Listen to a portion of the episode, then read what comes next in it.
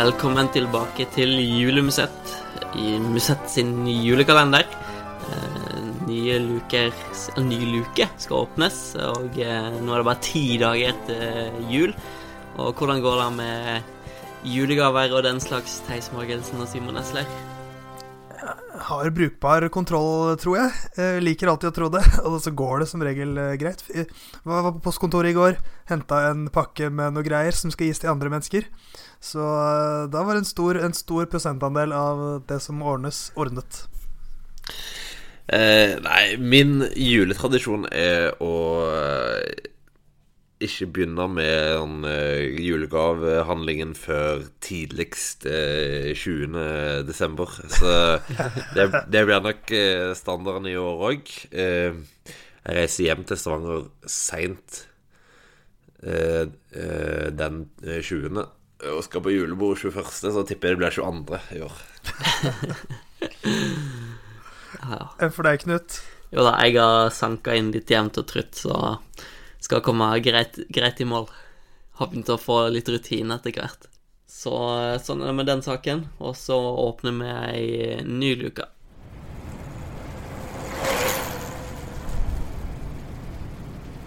Vi har kommet til den sjuende beste kvinna på lista vår over de beste kvinnerytterne i 2019. Eh, og det er vel klart det mest ukjente navnet, men eh, likevel sto for en enorm prestasjon i september. Eh, hun har tidligere presentert seg på den internasjonale scenen ved å vinne junior-VM i 2015. Både fellesstart og tempo, og ble nummer fem og fire på tempo-VM for kvinner senior i 2015, nei, 2016 og 2017. Men har ellers ikke sykla noe særlig på på vår del, i vår del av verden. Har holdt seg i Amerika med litt banesatsing og sleit med mye med sykdom i, i 2018, men uh, leverte en uh, veldig solid sesong i amerikanske ritt og kom til VM i Yorkshire litt sånn uh, i det blå om hvor hun sto, men med en følelse av at formen var bra. Og på den individuelle tempoen så var det jo Annemiek van Fløyten som var den desidert største favoritten. Alle forventa at hun skulle ta sitt tredje VM-gull på rad på tempo, men eh, romvesenet fra Nederland ble plutselig møtt av et eh, romvesen fra USA som forbløffa kommentatorer og eksperter over hele verden og tok et overlegent VM-gull. Chloé Dygert Owen sykla inn til uh, seier 1.32 foran Anna van der Brechen og 1.52 foran Annemiek van Fløyten. Og vel kanskje årets største overraskelse, i hvert fall på kvinnesida. Det er jo noen helt tullete avstander der. Uh, med tanke på at tempoen var tre mil lang, så blir det jo enda mer ekstremt. Og Nei, det var ikke så mange som så den komme. Det man har vært litt vant til at det er en sånn nederlandsk duell i, uh, i kvinnes tempo-VM. De siste årene så har jo Van Vleuten vunnet foran van de Breggen to år på rad. I fjor så ble det jo tredobbelt Det ble faktisk ble det firedobbelt i, i fjor. Nederlandsk. Nei, nei, det var vel brant litt lenger ned. Men i hvert fall tre, tre nederlandske medaljer. Uh, og at når Anna van de Breggen endelig klarer å slå Anne Mick van Fløyten på tempo, så blir hun slått av en 22 år gammel amerikaner. Så det, det, hun får nok aldri det tempogullet, for uh, Chloé Dygert Owen hun er 22 år gammel, som sagt. Uh, allerede tempoverdensmester. Uh, veldig, veldig spennende talent. Ja, det er åpenbart en helt rå kapasitet der. Hun var jo nevnt så vidt som en outsider inn mot, inn mot dette VM-et, men van Fløyten lå vel nedi sånn ei 50, ei 30-40 odds, tror jeg. Eh, og så når du da er så overlegen som du som Daget Orna, så sier du det om, eh, om eh, i hvor stor grad du på en måte har overgått forventningene her. Og hun har rett og slett en kapasitet som er helt fantastisk, og det så vi jo òg i, i fellesstarten.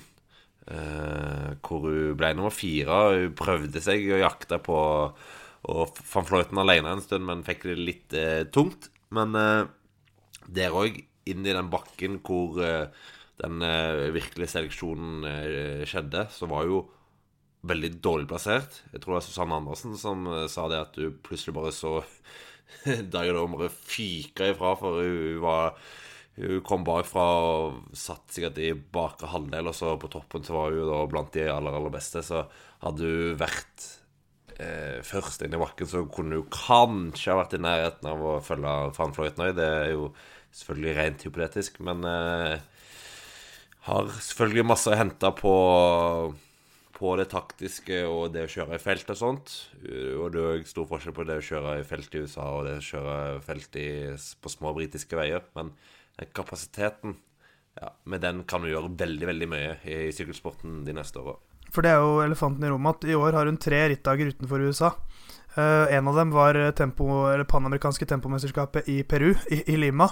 Uh, og to, de to andre var et tempomesterskap i VM og et landeveisritt uh, i VM. Så hun har ett landeveisritt utenfor USA i 2019. Riktignok vunnet veldig mange av disse rittene hun har kjørt i USA, men som Simon sier, det er noe helt annet. Og jeg, jeg, håper vi får se henne litt på på europeiske veier etter hvert også. Jeg vil tro at OL i Tokyo er et stort mål for henne på bane, men at hun kanskje etter det kan eh, prøve seg litt i, i Europa også. Naturlig å tenke at det er en del lag som har lyst til å signere og av eh, Ja, nå er det jo skilt ut, da, men de som tidligere har vært profflag, da Nå er det jo skilt ut i åtte World Tour-lag, mest sannsynlig. Uh, men jeg tipper det er en del som vil ha til Europa for å sykle de største rittene, da. Så er det jo da å beherske europeiske smale veier kontra de store amerikanske, da, som blir utfordringer. Så det, jo, det er jo litt synd for Dagat Owen og amerikansk sykling at uh, vi nå ikke har for California neste år. Uh, for der, det har jo vært et ritt du har fått kjørt uh, Der har å teste seg mot uh, World så det får vi jo ikke se nå. Så det spørs jo hvordan det rittprogrammet blir til neste år. Men det er vel en ja, stor sjanse for at vi kun får se henne i, i VM og i OL av internasjonale ritt.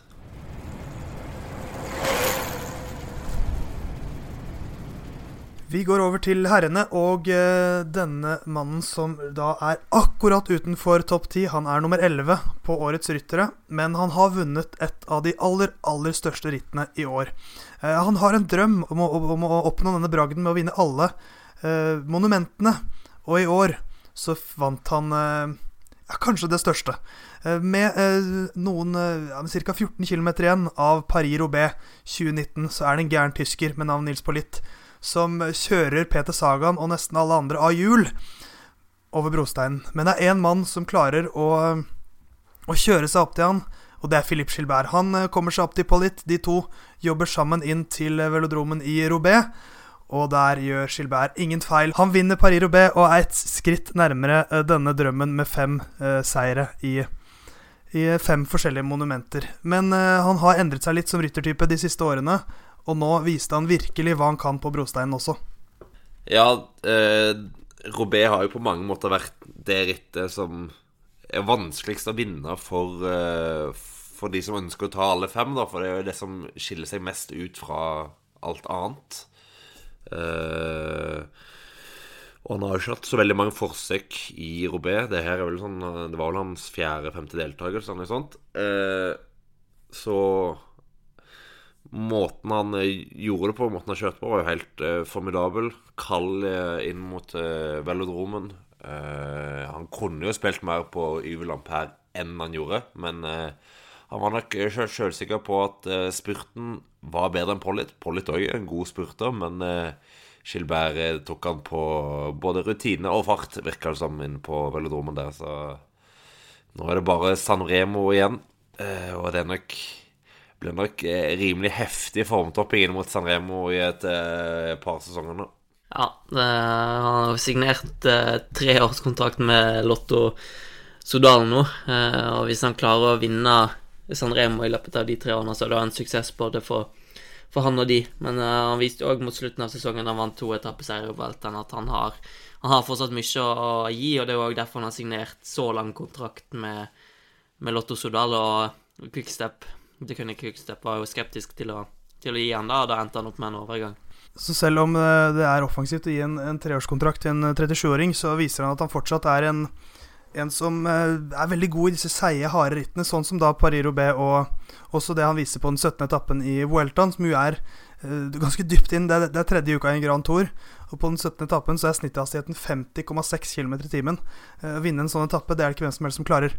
Så selv om jeg kanskje tror at hans sjanser i Milano Sanremo er veldig, veldig små, egentlig, så så er det ikke umulig. Hvis det er noen som klarer det. Det har han vist i Paris-Roubais også. Hadde du sagt til meg for fem-seks år siden at Philippe Gilbert kommer til å vinne Paris-Roubais, så vet jeg ikke om jeg hadde trodd helt på det. For, og for hans del håper de får fiksa Poggio, da. Ellers så blir det ganske vanskelig neste år, i hvert fall. Ja, det er en fordel for Gilbert å ha en liten utskiftingsrampe der. Eh, men jeg tenker jo sånn så Når han gikk til The Gunny Quickstep, så var jo eh, mye bygga rundt Paris-Roubais. Og han eh, dedikerte seg veldig mye til det. Eh, og går ut nå med en, med en seier i det laget som var best egna for hans del til å vinne et ritt som, som Paris-Roubais. Og når han nå går til, til Lotto Sodal, så er det nok et ganske lignende prosjekt vi, får se. Um, han har en tredjeplass vel fra best fra Milan San Remo tidligere, i 2011. Og jeg blir ikke overraska om han kjemper om seieren de neste årene.